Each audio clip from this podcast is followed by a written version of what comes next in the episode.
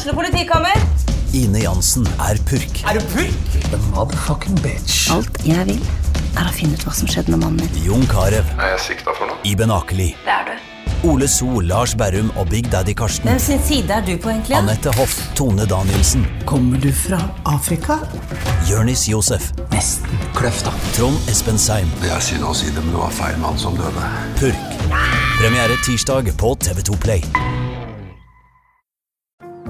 Ungsamtalen fra DNB er økonomisk veiledning tilpasset deg som er ung. Bokk en ungsamtale på dnb.no. slash ung. Det er kjempebra hvis du skal inn på boligmarkedet, hvis det er drømmen din, liksom. Det er det du skulle sagt. Og så kunne du ropt litt mer, da, sånn som jeg gjorde. Bam! Åh,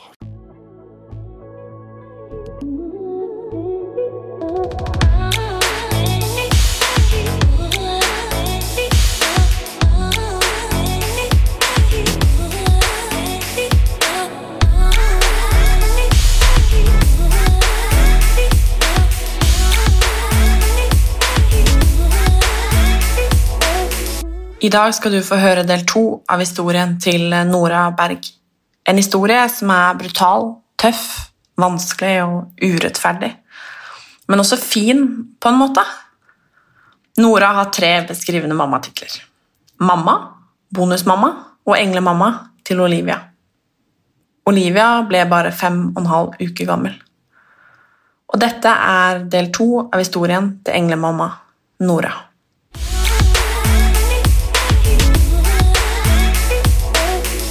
Vi fikk beskjed om å komme opp så fort vi kunne. Vi lå jo på et rom nede på sykehuset. Eh, og vi fikk beskjed om at nå var det ingenting de kunne gjøre, så vi må komme så fort vi kan. Alt av leger, kirurger, sykepleiere, alle hadde på en måte Det var vel et par timer etter at vi gikk og la oss, så begynte hun å eh, synke i verdier. Kroppen hennes hadde gitt opp. Eh, Det var ingen operasjon, ingenting de kunne gjøre. De hadde prøvd med alt mulig av medisiner de kunne. Men hun hadde gitt opp. Eh, Og vi fikk beskjed om at vi kunne ringe de vi ville at kunne komme dit, om det var noe vi ønska. Vi fikk spørsmål om vi ville døpe henne. Det var noe vi ønska, og noe vi hadde snakka om på forhånd at vi skulle. Det som er så spesielt med den dagen, er at eh, Ikke at jeg er sånn overtroende, men det var fredag den 13. Og eh, Ja. Ringe noen så tidlig, midt i fellesferien, eh, det var ikke bare bare lett. Martin, som er fra Sandefjord, familien hans derfra, fikk ikke kommet. Vi hadde ikke så god tid. Eh, noen av familiemedlemmene hans som bor i nærheten, rakk å komme. Ja, Det jeg glemte å nevne litt tidligere, er at det, i forbindelse med at jeg ble syk, så fikk jeg jo også kontakt med foreldrene mine igjen. Men de var jo på ferie i Pakistan. De trodde jo ikke at noe sånt skulle skje. De kunne ikke komme. så hadde vi ikke veldig god tid. Jeg hadde noen venner som Eh, kom. jeg husker enda at eh, presten som kom Han skulle ha vaktskifte klokka åtte. Eh, og vi fikk beskjed om at eh, Vi fikk egentlig beskjed om at vi hadde tid fram til ni. Halv ti. Og presten sier ha det til oss og sier at neste prest kommer. Og kvart over åtte så kommer han løpende tilbake. For da hadde han fått beskjed av sykepleierne at de, du har ikke tid. De har ikke tid til å bytte prest. Eh, at det gikk så dårlig, da. Så i all hast så fikk vi døpt henne. Og er det tid, så pleier de å flytte oss inn til et annet rom. Men vi fikk bare beskjed om at det har vi ikke tid til. Så jeg fikk holde henne i armene mine. Og Martin satt ved siden av meg. Eh, og etter at vi hadde døpt henne, så rakk de siste å komme. Og de sto rundt oss, og vi fikk beskjed om at eh, når de kobler ut respiratoren, så pleier det ofte å komme et lite siste pust med litt skum. Eh, halv ni så kobla de fra respiratoren. Eh, men det kom ikke så veldig mye pust. Så hun var egentlig bare Hun levde bare fordi at hun var kobla til respirator de siste minuttene. Men det å holde ungen sin i eh, armene og vite at du kan ikke gjøre noen ting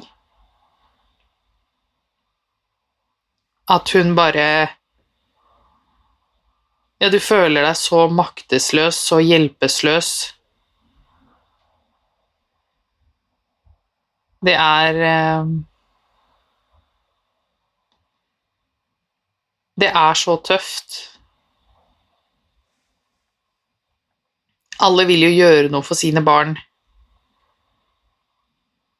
Prøve å beskytte dem på all måte, men du Jeg følte meg som så dårlig mor som ikke kunne beskytte barnet mitt. Som ikke kunne gjøre noen ting for henne for at hun skulle, ikke skulle ha det vondt.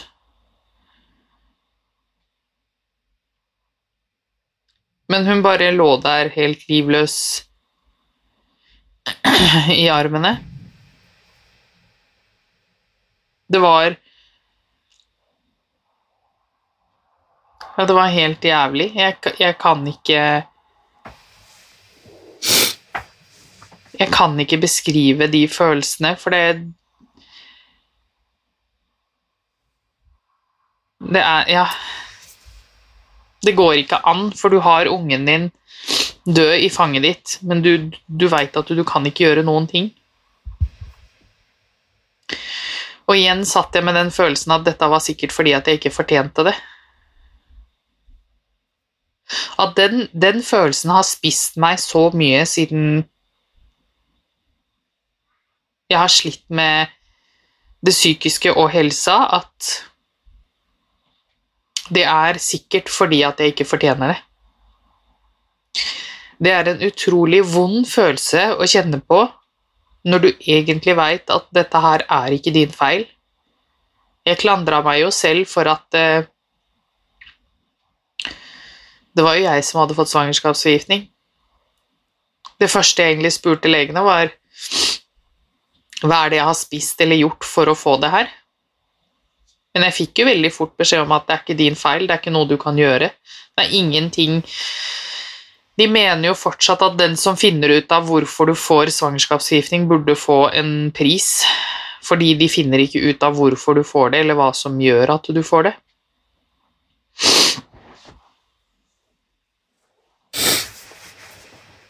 Så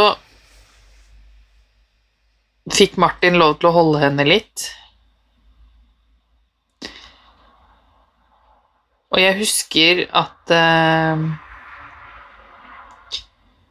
Jeg må virkelig skryte av de sy Hva heter det eh, Nyfødt intensivsykepleierne. Vi fikk Vi hadde jo vært der såpass lenge, så vi kjente jo mange av de sykepleierne, men vi fikk en vi var veldig trygge på, som hjalp oss med å flytte inn på et annet rom. Vi fikk beskjed om at eh, vi kunne bruke all tid vi ville.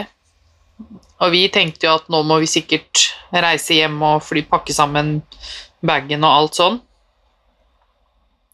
Men vi fikk beskjed om at vi kunne bli på sykehuset så lenge vi orka. Lenge, så lenge vi hadde lyst. Det var ikke noe hastverk med at vi må dra hjem eller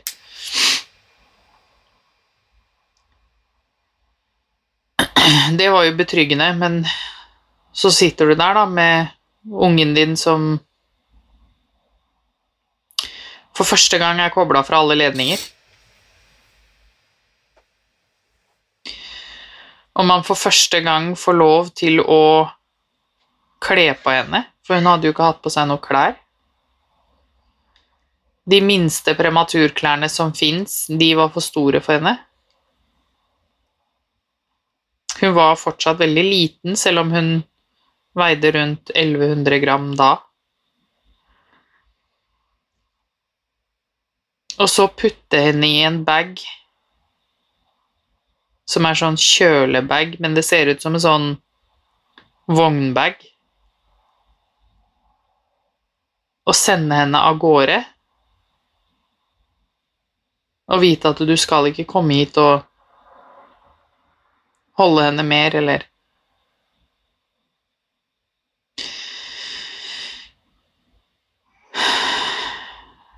Vi fikk jo også spørsmål om vi ville ha henne med hjem.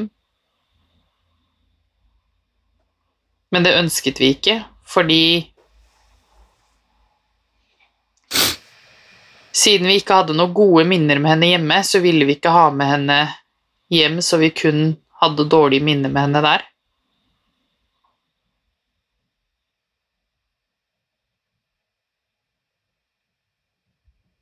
Men det er helt jævlig å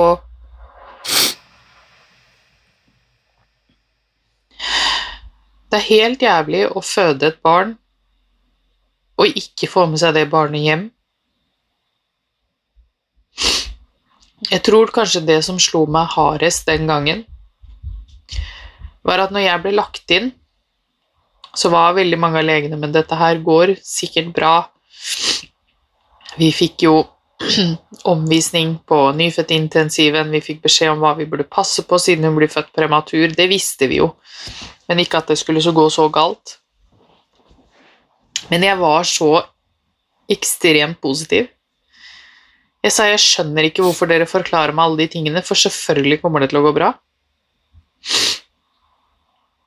Jeg har jo andre familiemedlemmer som er født premature, men ikke så premature, da. Men jeg sa at det er mange, mange år siden, og det har jo gått bra. Hvorfor skal ikke dette gå bra? Underveis hele tiden så var jeg så ekstremt positiv. Jeg tror ikke jeg hadde en prosent negativitet i forhold til situasjonen engang. Gjorde det beste ut av situasjonen hele veien. Så den dagen hun døde, så slo det meg så hardt at det å være positiv hele tiden hjalp ikke heller.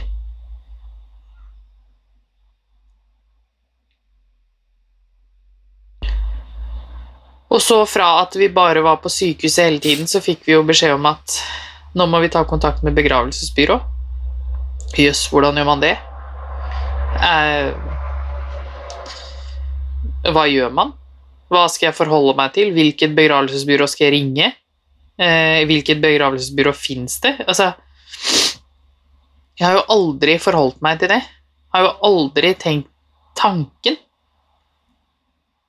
Men de vennene våre som var der, hjalp oss med å få tak i et begravelsesbyrå. Og så får jeg spørsmålet hvor skal dere begrave henne? Nei, hvor, hvor skal vi gjøre det? Man har jo ikke tenkt gjennom de tingene. Og i hvert fall ikke for sitt eget barn. Hva slags kiste skal vi ha? Hva slags seremoni skal vi ha? Jeg, jeg veit ikke. Jeg veit ingenting. Jeg, det, er, det er så jævlig å å, føle på det at du Du veit ikke Altså, du er i så enormt stort sjokk av å miste ditt barn, og så skal man forholde seg til så mye annet til samme tid. Jeg lurte på om jeg kunne vente til over helga med å ringe dem. Nei, men jeg måtte ringe de sa dessverre så må du ringe nå fordi at det, det har noe med at hun skal fraktes til Ullevål, for det er der alle blir lagt i sånn kjø, et kjølerom. Så det har noe med eh, frakt og det ene og det andre å gjøre, så man må på en måte ta kontakt med begravelsesbyrået med en gang. Man får på en måte ikke helt sjansen til å svelge det som har skjedd. Og da er jeg litt den type person at jeg knipser, og så er jeg praktisk. Og så legger jeg alle følelser til side. Eh, Martin var på den tiden under utredning for noen andre ting. Han var litt dårlig den dagen. Og da skjønte jeg at han som er sengeliggende, Eh, han prøvde jo å komme seg opp og Altså, det var jo en ekstraordinær situasjon, så han gjorde jo alt han kunne. Men da tenkte jeg at da må jeg ordne og styre, og så får han slappe av litt. Ordna med begravelsesbyrå. Jeg hadde jo pumpa ekstremt mye melk. Eh, hva skulle jeg gjøre med den melka? Da skal de ta blodprøver, jeg har skjemaer jeg må fylle ut. Altså, jeg har aldri møtt på noe mer rare skjemaer. Der du får spørsmål om du har ja, For meg så var jo det fjernt, men jeg vet nesten ikke om det er lov å si der. Om jeg har vært prostituert. Når jeg skal liksom gi fra meg bankmelk. Det er liksom noen av de spørsmålene som henger igjen. Jeg var jo opptatt av å gjøre noe godt ut av siden Olivia hadde fått bankmelk fra sykehuset, så var jeg litt opptatt av å kunne donere den melka sånn at jeg kunne gjøre en god gjerning ut av det. Men for å gjøre den gode gjerningen så må du gjennom så veldig mye. Du må ha blodprøver, du må avlevere svar, du må. Men jeg gjorde det jeg kunne gjøre, og så gikk vi bare på rommet og lå der i sjokk, begge to.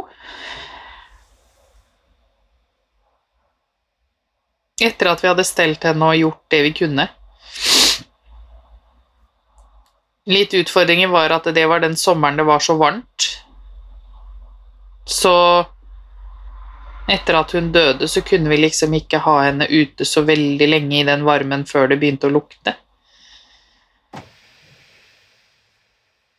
Men vi fikk eh, ha henne i den kjølebagen, og så fikk vi komme og gå litt på det rommet til vi sa det var greit at de tok henne med.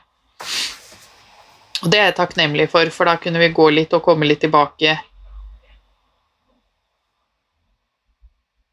Så rakk det noen flere familiemedlemmer å komme fra Sandefjord, sånn at de på en måte fikk vært der lite grann.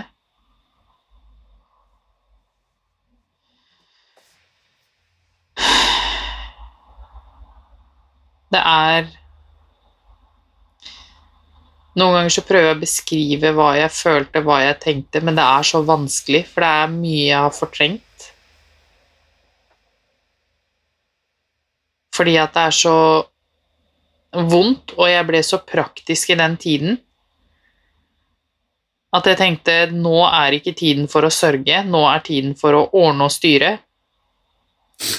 Og det er jo ikke enkelt med begravelse. Du skal jo ha møte med prest, du skal ha møte med begravelsesbyrå, du skal avgjøre om du skal ha sånn kiste, om du skal gjøre sånn, om du skal gjøre sånn Altså, det er så mange ting man må ta stilling til som man aldri i livet sitt har tenkt på. Det er så fjernt.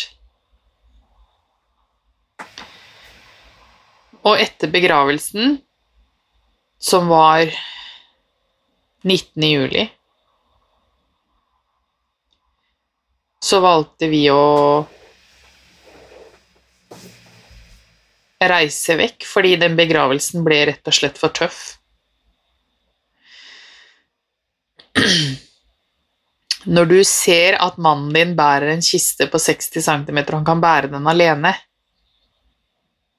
ned til gravplassen, og den blir heist ned, og du kan fortsatt ikke gjøre noen ting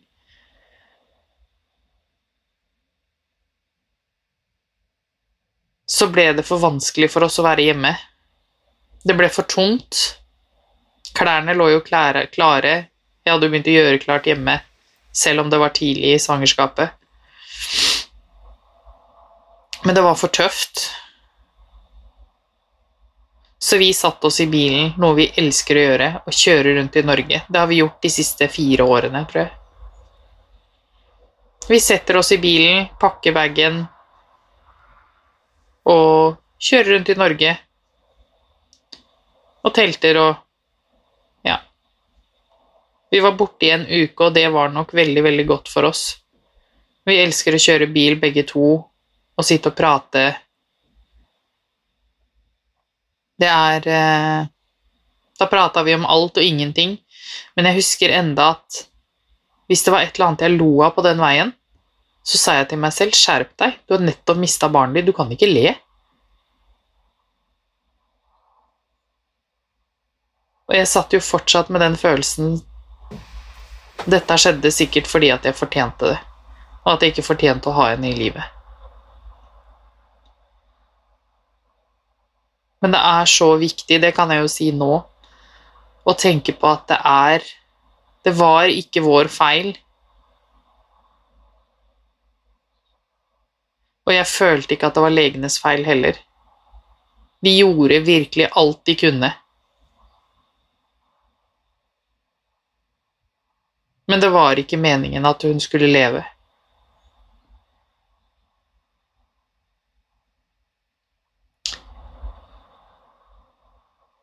En ting som jeg syns har vært veldig, veldig fint med at Olivia kom til verden Uten å si så veldig mye, veldig mye mer om det, men hun førte familien sammen på begge sider. Takket være henne så fikk jeg foreldrene mine tilbake i livet mitt. Og vi hadde uenigheter på familien til Martins side også, som førte oss sammen. Selv om det er veldig rart å si det, men jeg føler at hun kom til verden for å føle, føre familiene sammen. Og etter at hun hadde gjort det, så dro henne. Og grunnen til at jeg sier det på den måten, er fordi de sa jo at hun ble så dårlig etter første operasjon. Men hun overlevde, og dagen etterpå, eller den siste operasjonen Nei, da, så, unnskyld. Før siste operasjonen så kom de siste familiemedlemmene som vi ikke hadde hatt kontakt med på lenge. Og vi skværa opp og tenkte at livet er for kort til å ikke, ikke ha noe med hverandre å gjøre.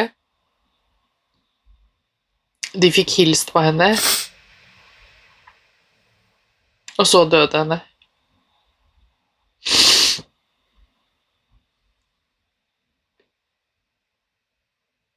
Det er spesielt og fint på en måte, det hun gjorde.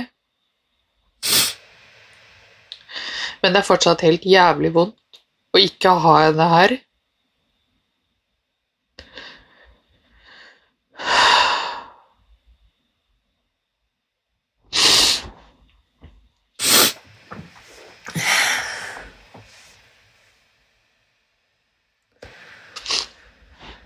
Det gjør like vondt selv om det har gått over to år.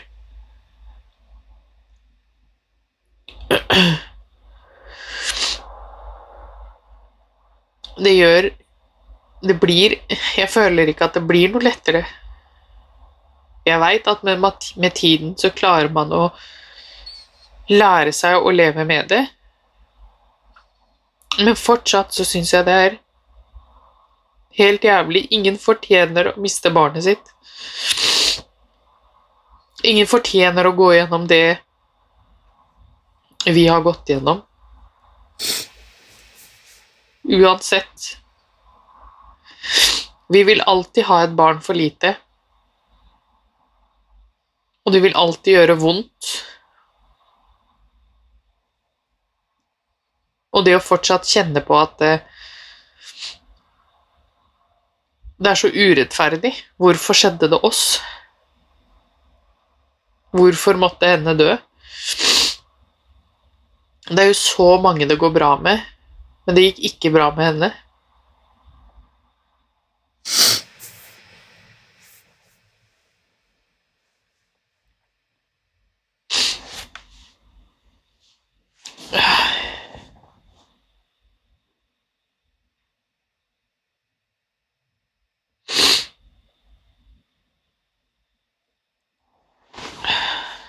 Ja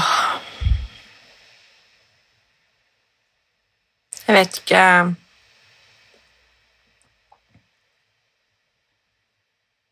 Jeg tror ikke det finnes noe fornuftig å si. Det skjønner jeg. Og jeg Nei. Hvordan har det vært å bli mamma på nytt?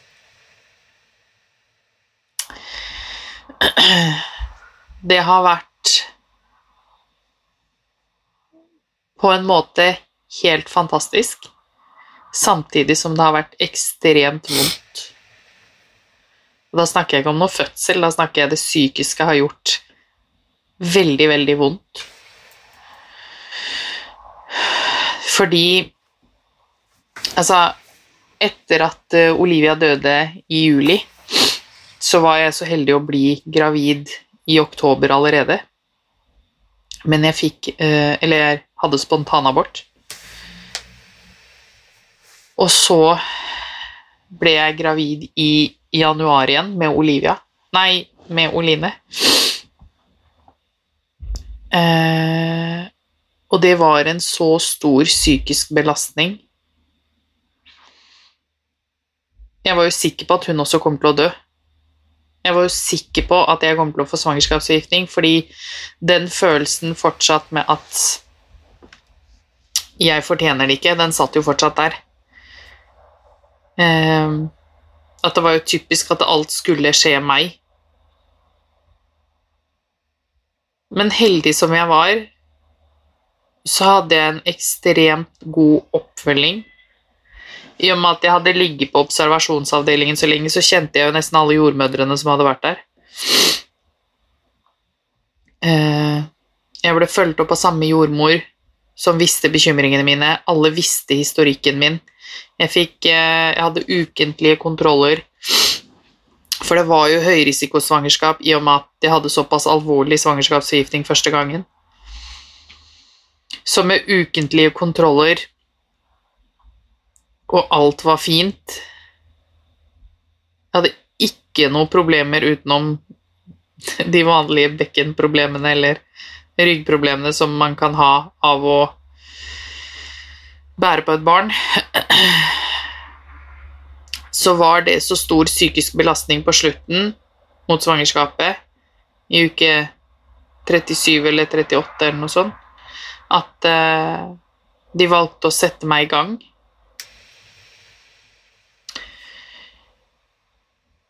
Og eh, For de sa at nå er hun ferdig, hun er komplett, nå er det bare eventuelt en vektøkning de, snakker, de venter på.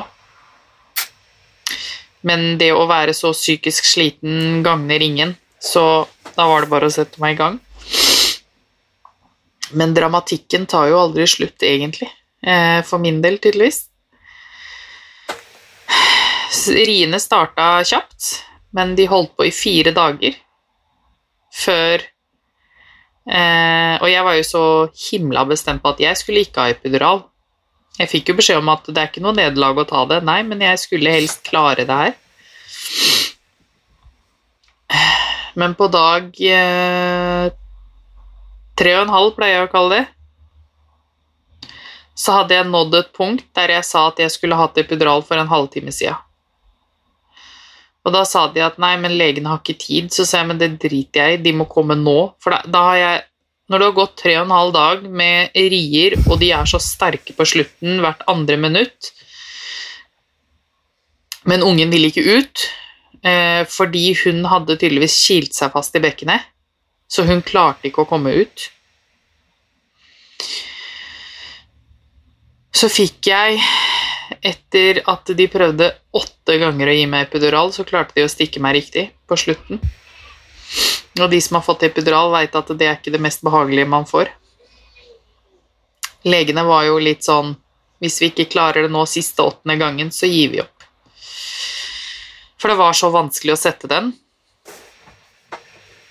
Eh, og så lot de natta gå, men midt på natta så fikk Oline så ekstremt høy puls at de kasta seg rundt og bare løp med meg inn på operasjonsrommet. Og igjen så tenkte jeg nå Nå dør henne sikkert. Fordi at eh, Det var faktisk enda mer hastekeisersnitt enn det var med Olivia. Og denne ungen var i utgangspunktet frisk. Legene sto jo klare for å ta henne imot. Eh, alle sto klare. Jeg var heldig med at det var samme lege som opererte ut Olivia, som tok ut Oline. Så hun også kjente historikken min. Alle var veldig flinke til å ta hensyn til all historikk. Den luringen som lå inni magen, hun kom ut med tommelen i munnen og kom skrikende og var helt frisk. Ble lagt på brystet mitt. Altså, det var helt fantastisk følelse. Jeg har aldri kjent på en så god følelse før. Martin var jo med meg, eller han var jo der i alle dager, han blir jo litt glemt innimellom, men uh, han var med meg hele veien. Og Martin fikk ta henne med etter hvert ut da de skulle operere meg ferdig, uh, lappe meg sammen. Jeg ble veldig raskt flytta til barsel fordi at uh, jeg fikk ikke noe man får når man får um, keisersnitt. Det er spinal. Da blir man lam fra magen og ned, nesten. Men jeg fikk bare maks med epidural fordi at de hadde ikke tid til å sette inn noe annet. Så hast var det. Og når jeg kommer på barsel, så jeg, kjenner jeg jo litt sånn etterrier som man får. Og beklager detaljene, men det bare fosser ut blod. Jeg skjønner ingenting. Jeg tilkaller de som jobber der. Og de reagerer jo kjapt, fordi jeg fikk én blødning som var på 1,9 liter. Totalt så mista jeg over 3 liter blod på den korte tida, og jeg skjønte ingenting. Eh, jeg hadde blod fra brystet og ned til anklene på hele senga. Jeg hadde jo ikke reist meg opp fra senga ennå, så dette er bare Og de samme, samme legen som hadde nettopp operert meg, kommer i halv hast tilbake og sier at de må flytte meg over til eh, senga til Martin, fordi at de kan ikke trille ut en så blodig seng, for det kommer til å Vi er inne på barselavdelinga, altså det blir så dramatisk. Så jeg sier jo til dem at jeg kan bare reise meg, og så kan jeg flytte meg over. For jeg skjønte jo ikke hva som skjedde, og de bare 'Du kan ikke reise deg'. For jeg hadde jo tydeligvis begynt å bli bleik i ansiktet, ikke sant? fordi at jeg hadde mista så mye blod. Så de flytter meg over til neste seng, vasker meg, og i all hast så blir jeg operert på nytt, for det var igjen rester av morkaka i livmoren. Så første natta på sykehuset lå jeg på postoperativen, mens Martin lå på barsel med Oline. Det har vært en tøff start, men det er en helt fantastisk følelse å faktisk få lov til å være mamma nå. Jeg var mamma for Olivia. Jeg vil alltid være mammaen til Olivia. Men det var ikke det samme da Jeg fikk ikke ha henne på brystet. Det tok ni timer før jeg fikk se Olivia for første gangen, i og med at jeg var så dårlig, og hun måtte inn til intensiven med en gang. Ja, nå fikk jeg Oline opp på brystet, jeg fikk se henne, jeg fikk høre henne, jeg fikk kjenne på henne.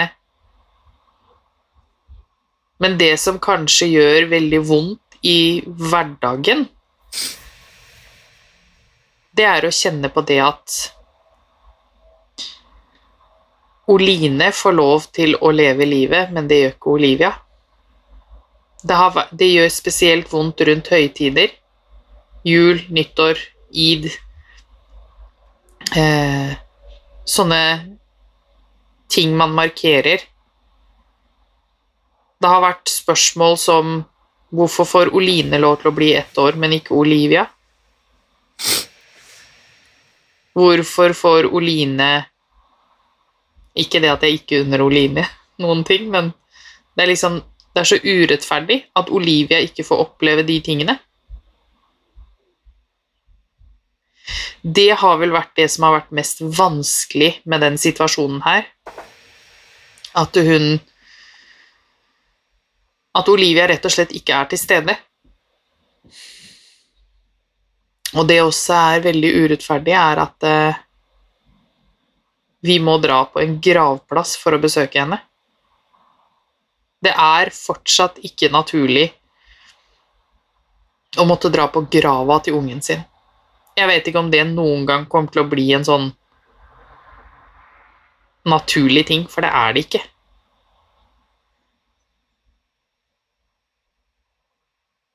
Det er jo ikke en naturlig ting. Når noen som er eldre, dør, så er det på en måte man tenker det er livets gang, selv om det gjør like vondt. Men et barn, liksom Jeg tenkte alltid at barn kommer til verden for å bli.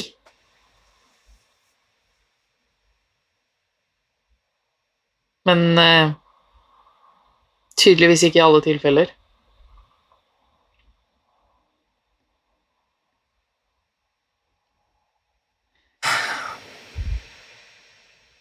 Jeg er stum. Eh, og jeg sitter jo egentlig og lurer på hvordan det er mulig. Um, og jeg sitter jo bare igjen egentlig med en enorm takknemlighet for at du har styrke til å fortelle oss om, om livet. Ehm, for det er dritvondt. Um, men det er livet, og jeg sitter egentlig igjen med bare en følelse av at uh, Jeg vet du sier at du har lurt så mange ganger på Eller liksom tenkt hva du har gjort for å fortjene det her, på en måte. Eller altså sånn at ikke du har fortjent det gode i livet, liksom. Eh, men det gjør du. Altså alt som kommer din, din vei, med å ha en fantastisk ektemann og en eh, fantastisk datter som er her, og en eh, fantastisk datter som du får være englemamma til. Takk. Jeg veit at eh, etter at jeg har begynt å snakke litt mer høyt om hvordan det faktisk har vært,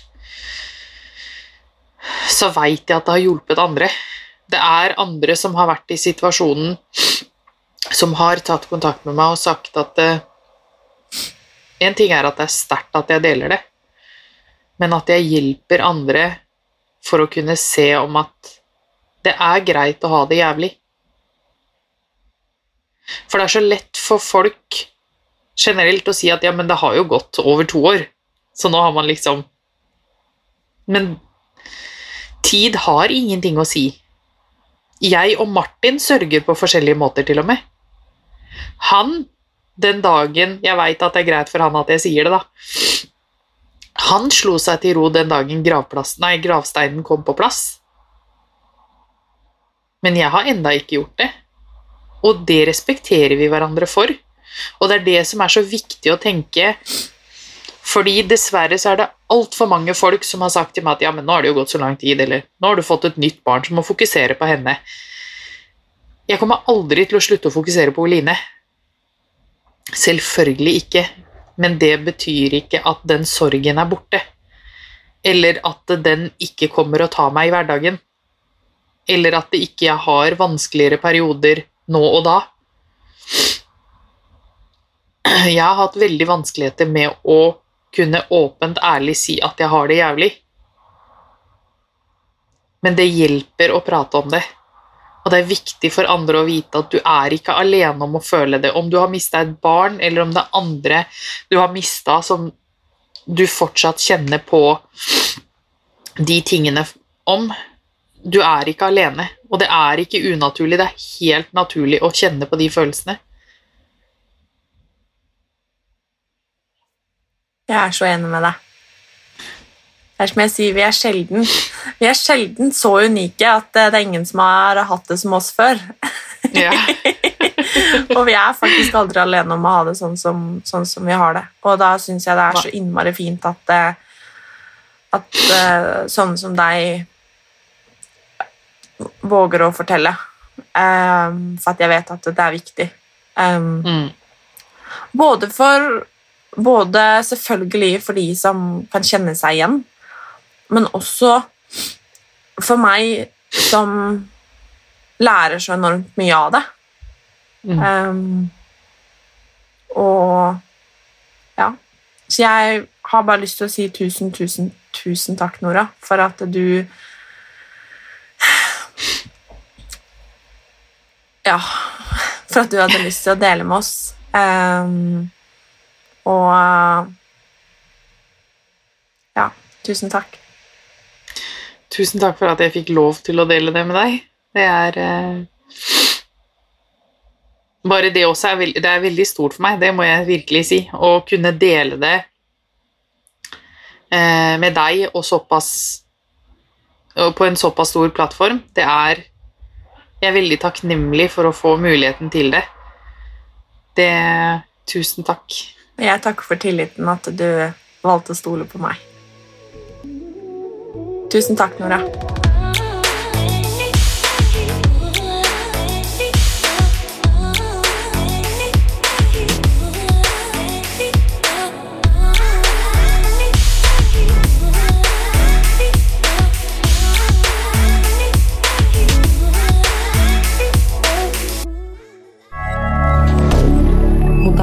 D'accord.